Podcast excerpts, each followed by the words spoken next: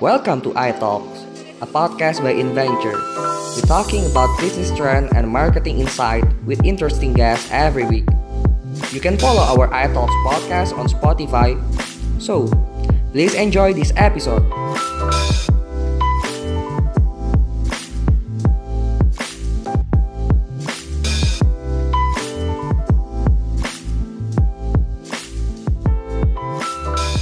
Di iTalks, Adventure Talks. Kembali bersama saya Farid Fatayila sebagai host iTalks yang akan membahas isu-isu dan insight marketing dan bisnis paling hangat dan terupdate. Seperti biasa, saya juga ditemani oleh Pak Yuswo Hadi atau Pak Siwo sebagai pakar marketing dan managing partner Inventure. Selamat sore Pak Siwo. Halo, selamat sore Farid. Ya. Ya. Untuk episode kali ini kita membahas bis trending yang cukup menarik ya tentang fenomena sebuah apa namanya bisnis sepak bola yang tadinya di Indonesia ini udah terkenal ya. Apa namanya industri sepak bola kita tuh cukup ruwet ya dengan berbagai masalahnya. Tiba-tiba dalam beberapa waktu terakhir ini berbondong-bondong para artis apa artis dan apa namanya uh, seleb dunia maya seperti Raffi Ahmad, kemudian apa namanya Atta Halilintar, Gading Martin, bahkan putra presiden pun Mas Kaisang juga ikut berinvestasi masuk ke bisnis sepak bola ini. Nah, kali ini kita kedatangan tamu yang cukup apa kompeten sekali kalau ngomongin olahraga ya, terutama bisnis olahraga. Ada Pak Fritz Simanjunta. Selamat sore Pak Fritz. Selamat sore Mas Farid, selamat sore Mas Iwo. Ya, terima kasih Pak sudah hadir di podcast kita Adventure Talks. Nah, ini kalau Pak Fritz melihat ini uh, tentang industri sepak bola yang terkini nih, dengan fenomena munculnya apa para selebritis, para artis dan apa juga beberapa pengusaha terkenal ter, termasuk termasuk putranya presiden ini apa berinvestasi uh, membeli klub sepak bola Indonesia lokal ya. Ini menurut pandangan Pak Fritz bagaimana nih Pak fenomena ini Pak? Uh, terima kasih sekali lagi Mas Farid. Jadi gini ya, saya coba pakai konsepnya uh, apa five competitive forces-nya dari Porters yang dibungkus dengan adanya regulasi pemerintah. Dan sepak bola adalah mungkin satu-satunya cabang olahraga yang tidak berprestasi baik terlalu baik seperti bulu tangkis, tetapi sangat didukung oleh pemerintah. Ya, dari mulai uh, apa pembinaan timnya, coachnya itu dibiayai oleh dan pembinaan pelatnas sekarang ini dibiayai oleh pemerintah. Kemudian juga pemerintah yang membuat peta jalan pembangunan sepak bola Indonesia. Terus pemerintah juga yang membangun stadion-stadion untuk persiapan uh, Piala Dunia uh, yang kemarin ditunda dan baru uh, tahun depan dilaksanakan. Dan kemudian baru-baru ini kita dengar pemerintah yang uh, juga menyetujui diselenggarakannya kompetisi Liga. Liga 1, Liga 2, dan Liga 3. Dan yang menarik lagi adalah ketika mulai zamannya Pangkostrat Edi Rahmayadi, pemerintah juga lah yang taruh ketua PSSI itu. Dan kemudian dia mundur, ditaruh lagi uh, seorang bintang hmm. tiga polisi, uh, ya. polisi. Saat itu juga masih aktif, ya. Dan Iwan Bule terkenal namanya.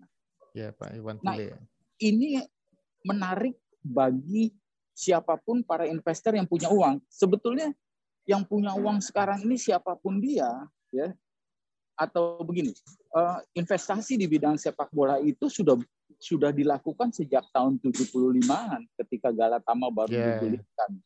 Ada Pardedetex, ada Warna Agung dan sebagainya sebagainya. Itu lu termasuk itu ini Pak ya. berlangsung Pak Harto berlangsung, ya Pak. Berlangsung, ya. Arseto ya, Solo dulu Pak. Itu, tetap sedikit apa ya. Betul, Arseto Solo sebagainya Bakri dengan Pelita Jaya ya, Bakri. sudah banyak dilakukan. Tapi kali ini memang sangat super buat saya. Karena semuanya sudah diatur atau sudah dibantu oleh pemerintah. Kalau dulu klub sepak bolanya tidak. Ya, jadi yang dibantu pemerintah cuma taruh uh, tokoh aja seperti Ali Sadikin. Tapi pencarian dana dan sebagainya pembinaan pembinaan tim nasional itu dilakukan oleh PSSI sendiri. Kalau sekarang tidak, semuanya oleh pemerintah. Nah, akibatnya apa? Ini berakibat positif karena kemudian klub-klub olahraga itu bisa fokus dalam pembinaan klubnya. Dalam pembinaan klub dalam arti dia tidak tidak penting apakah timnya itu akan menjadi supplier terbanyak tim nasional dan tim nasional itu prestasinya kayak gimana karena itu sudah pemerintah yang pegang. Nah, dengan digulirkannya kompetisi Liga 1, Liga 2 dan Liga 3 itu jadi mereka tidak perlu lagi reinvest membuat klub yang punya duit ini, para artis kebetulan saat ini ya.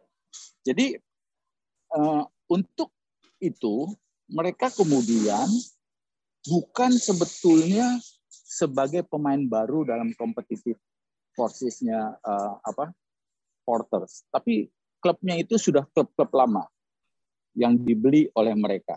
Mereka beli karena supplier dan bayarnya itu akan menjadi kelihatannya bagus. Bayarnya kalau kita lihat itu nanti adalah kalau kompetisi jalan itu adalah uh, apa penonton dan dan apa uh, penggemar mereka yang fanatik dibangun oleh uh, oleh itu. Kemudian soal pesaing, karena kompetisi ini sempat berhenti sekitar hampir dua tahun, jadi relatif tidak terjadi persaingan ketat dan persaingan itu siapa pun bisa menjadi menjadi apa? Menjadi the best lah ya. Walaupun tetap Persija yang yeah. yang uh, atau Persipura masih tetap di atas. Tapi mereka bisa muncul menjadi pesaing-pesaing baru itu sebabnya eh, apa anaknya Presiden Jokowi itu membeli nggak apa-apa membeli tidak di liga utama karena hmm. nanti dia bisa fokus kepada pembinaan atlet untuk uh, naik atau dapat uh, apa promosi ke liga di atasnya. Jadi menurut dugaan saya kompetisi nanti itu akan sangat semarak. Yeah. Karena semua infrastruktur sudah dibantu oleh pemerintah. Dan itu hmm. menjadi kunci utama dalam bisnis olahraga atau bisnis sepak bola. Semuanya sudah. Ya. Dan kemudian tidak ada ancaman lagi substitusi produk yang yang dulu game itu game lewat komputer lewat apa itu bisa menjadi subsidi substitusi produknya sepak bola itu nggak terlalu yeah. membahayakan. sekarang lagi. mungkin malah jadi komplementer pak ya, karena kayak Raffi kan Betul, misalnya pu punya tim komplementer. Ya. punya tim e-sport nah, dipadukan dengan ini ya, ya. offline-nya ya pak. Ya, jadi para investor itu yang kebetulan artis dan anak pejabat tinggi itu buat saya sih bukan fenomena yang baru. Mereka hanya punya uang lebih, mereka invest di situ. Yang jauh lebih penting adalah nanti Mas Iwo bisa tambahkan bagaimana strong brandingnya mereka itu bisa membantu klubnya itu menjadi fanatisme penonton atau fanatisme penggemarnya mereka itu bisa bertambah dengan dengan uh, signifikan. Salah satu kekurangan klub Indonesia itu adalah mereka itu tidak ada yang relatif tidak ada yang memiliki stadion sendiri. Padahal hmm. itulah roh dari sepak bola. Iya, bisnis sepak bola Jadi, itu di ekosistemnya Pak ini. Iya, ya. saya harapkan saya harapkan para para apa? Para artis ini mereka harus membangun dulu stadion sepak bola yang membuat ciri khas tersendiri. Ya. Sehingga rohnya itu bisa bisa bisa tumbuh dan itu menjadi brand yang luar biasa. Sementara ini pindahlah ke sini, pindah ke sana, pindah ke mana-mana yang membuat uh, apa uh, klub itu tidak memiliki roh yang terus menerus bisa dipertahankan. Sementara dari saya itu dulu. Baik Pak Fritz. Uh, Mungkin saya ke Pak Siwo ini Pak, bagaimana ini perspektif Pak Siwo dari sisi bisnisnya dan ini kan menarik kan apa para seleb ini ada Raffi Ahmad, ada Atta Halilintar yang apa namanya Gading Martin dan juga mereka punya base digital ya Pak. Base apa fan base-nya juga digital. Apakah ini juga akan menawarkan model bisnis baru ya ke arah digitalisasi monetisasinya seperti apa kalau Pak Siwo melihatnya seperti apa Pak? Ya, oke. Okay. Uh, tadi kalau dikatakan itu uh, komplementer, saya malah mengatakan itu sinergi. Jadi gini, saya sih lihatnya ini dari perspektif uh, uh, uh, apa marketing ya atau branding itu uh, sebenarnya bisnis sepak bola sama dengan uh, dan bisnisnya Raffi ya atau Atta Halilintar itu sebenarnya sama ya sama. Jadi two side market gitu. Two side market itu hmm. mempertemukan antara uh, follower dengan sponsor atau pencar uh, pem, uh, pemasang iklan ya jadi dua set dua market yang pertama adalah followers itu di satu sisi satu market market yang lain adalah sponsor atau pemasang iklan gitu ya. Nah, itu Raffi kayak begitu. Nah, sepak bola sebenarnya juga sama. Sepak bola itu menggunakan platform sepak bola untuk mempertemukan dua market. Ya yang pertama adalah fans. Ya fans itu hampir sama dengan followers sebenarnya. Terus kemudian juga sponsor atau uh, pemasang iklan gitu. Ya, jadi uh, sebenarnya bisnisnya sama. Jadi menurut saya malah kalau ketika Raffi masuk ke situ ketika Atta Halilintar di situ sebenarnya itu bukan sesuatu yang yang beda sama sekali atau sesuatu yang aneh gitu ya. Jadi nah, ketika bisnisnya sama secara net maka sebenarnya dua ini bisa disinergikan gitu ya.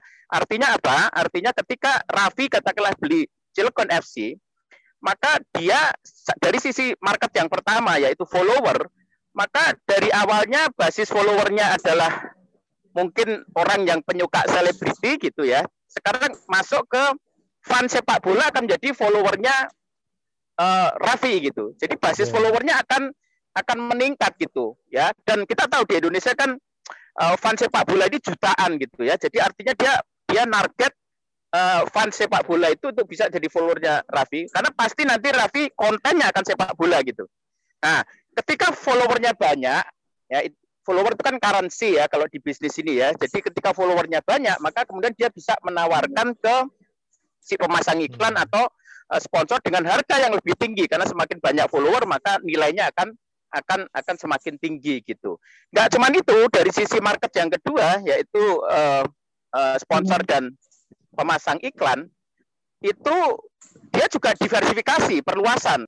Jadi secara dua sisi ini, secara followernya meningkat ya basisnya, uh, sisi market yang pertama. Sisi market yang kedua itu dia juga diversifikasi, perluasan uh, sponsor dan pemasang iklan ya.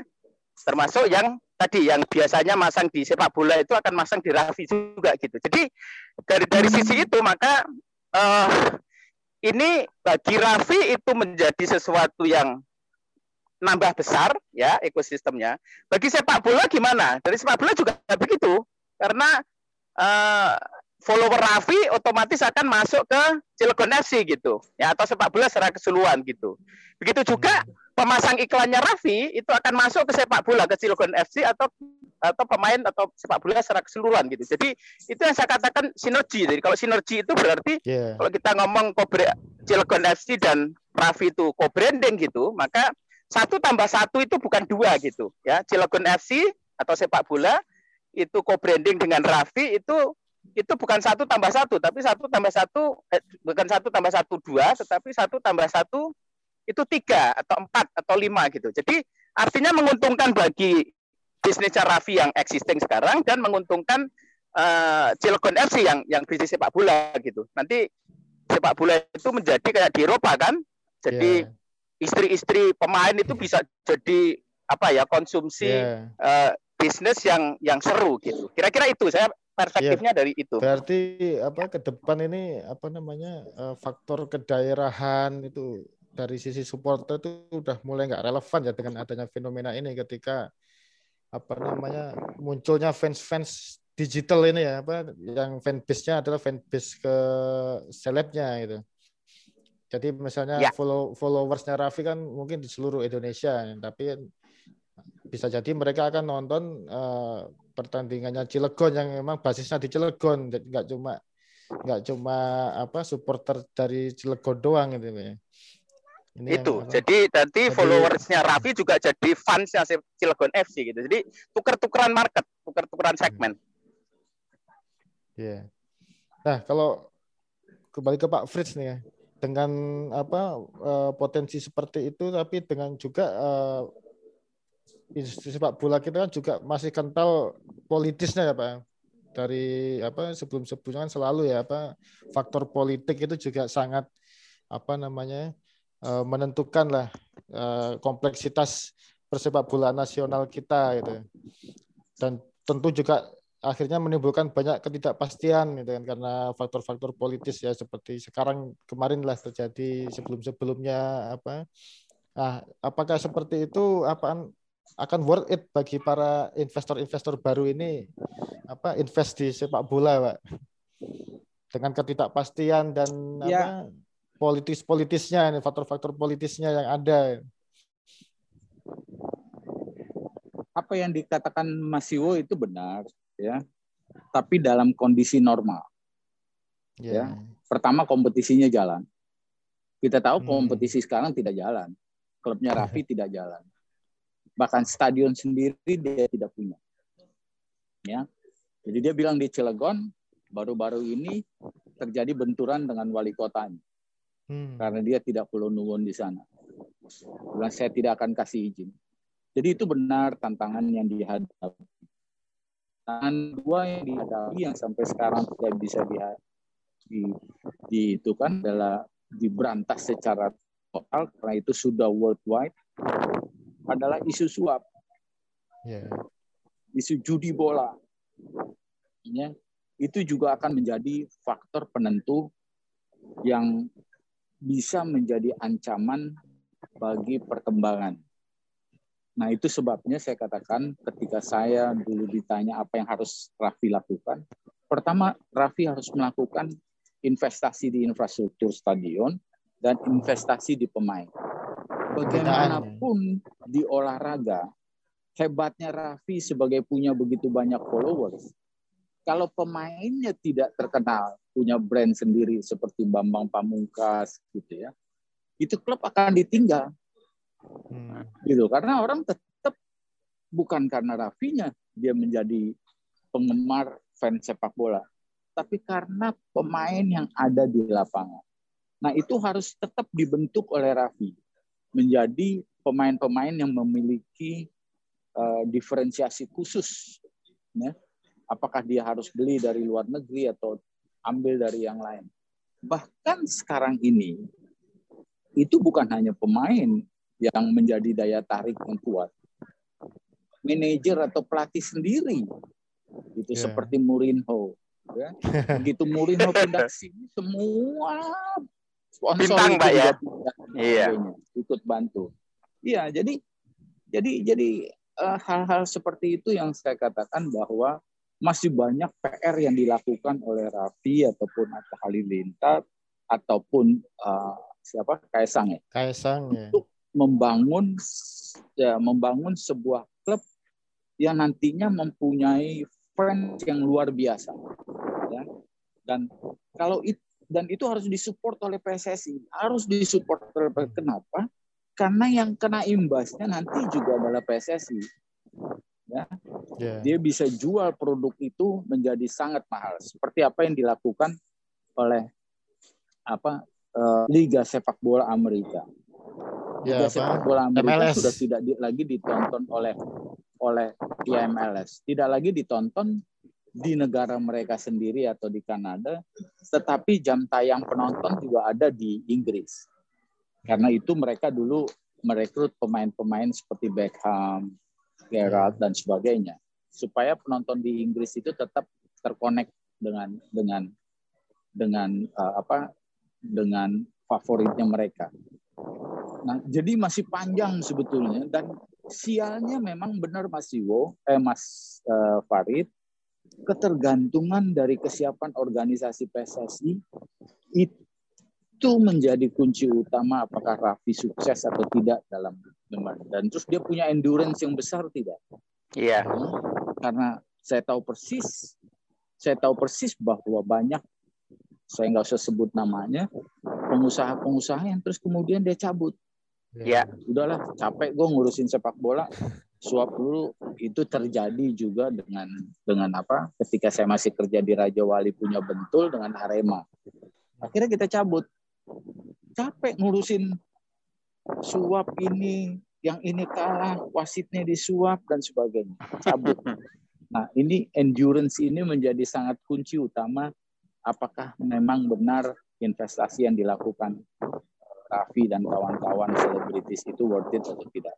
Tapi kalau dibilang positif, sementara ini bisa dibilang positif. Oke ya Pak ya. Yeah.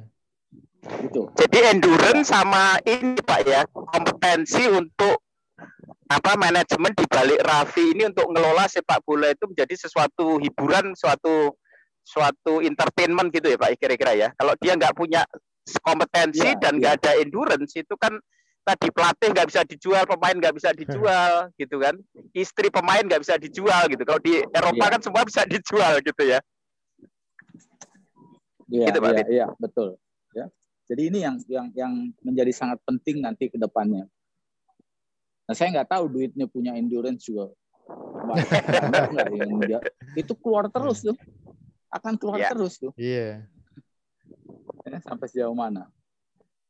Baik, eh, perbincangan yang sangat menarik, Pak Fritz, Pak Siwo, eh, banyak sekali insight ini ya dari apa namanya eh, Pak Fritz yang memang sudah apa menjadi pengamat olahraga yang senior dan kawakan ini ya. apa termasuk juga praktisi ini Pak ya di olahraga sempat di KONI Pak ya lain-lainnya. Moni Eh. di pengurus softball, sempat Ya. Iya. ya atlet sebentar, wasit kejuaraan dunia, anggota kontingen biasa. olimpiade jadi udah wele-wele. Oke. Ya. Menarik sekali eh, Oke. diskusi kita, insight-insightnya luar biasa ini bagaimana apa future atau masa depan industri sepak bola kita ini memang cukup cerah sebenarnya apalagi dengan hadirnya para selebritis dan para apa namanya eh, apa namanya artis di dunia maya maupun yang di apa eh, selebritas kita masuk ke sini mungkin nanti juga akan mendorong apa pengusaha-pengusaha yang lain termasuk juga artis-artis yang lain untuk apa bisa berinvestasi di olahraga jadi semakin memajukan olahraga kita ya. Terima kasih Pak Fris atas apa insight dan kehadirannya di podcast ini. Eh, Sama-sama Mas Farid, Mas Yuwo. Lanjut Sampai terus di Bali Mas Yuwo. Enjoy your time. yes. Sampai jumpa di episode iTalk selanjutnya. Selamat sore.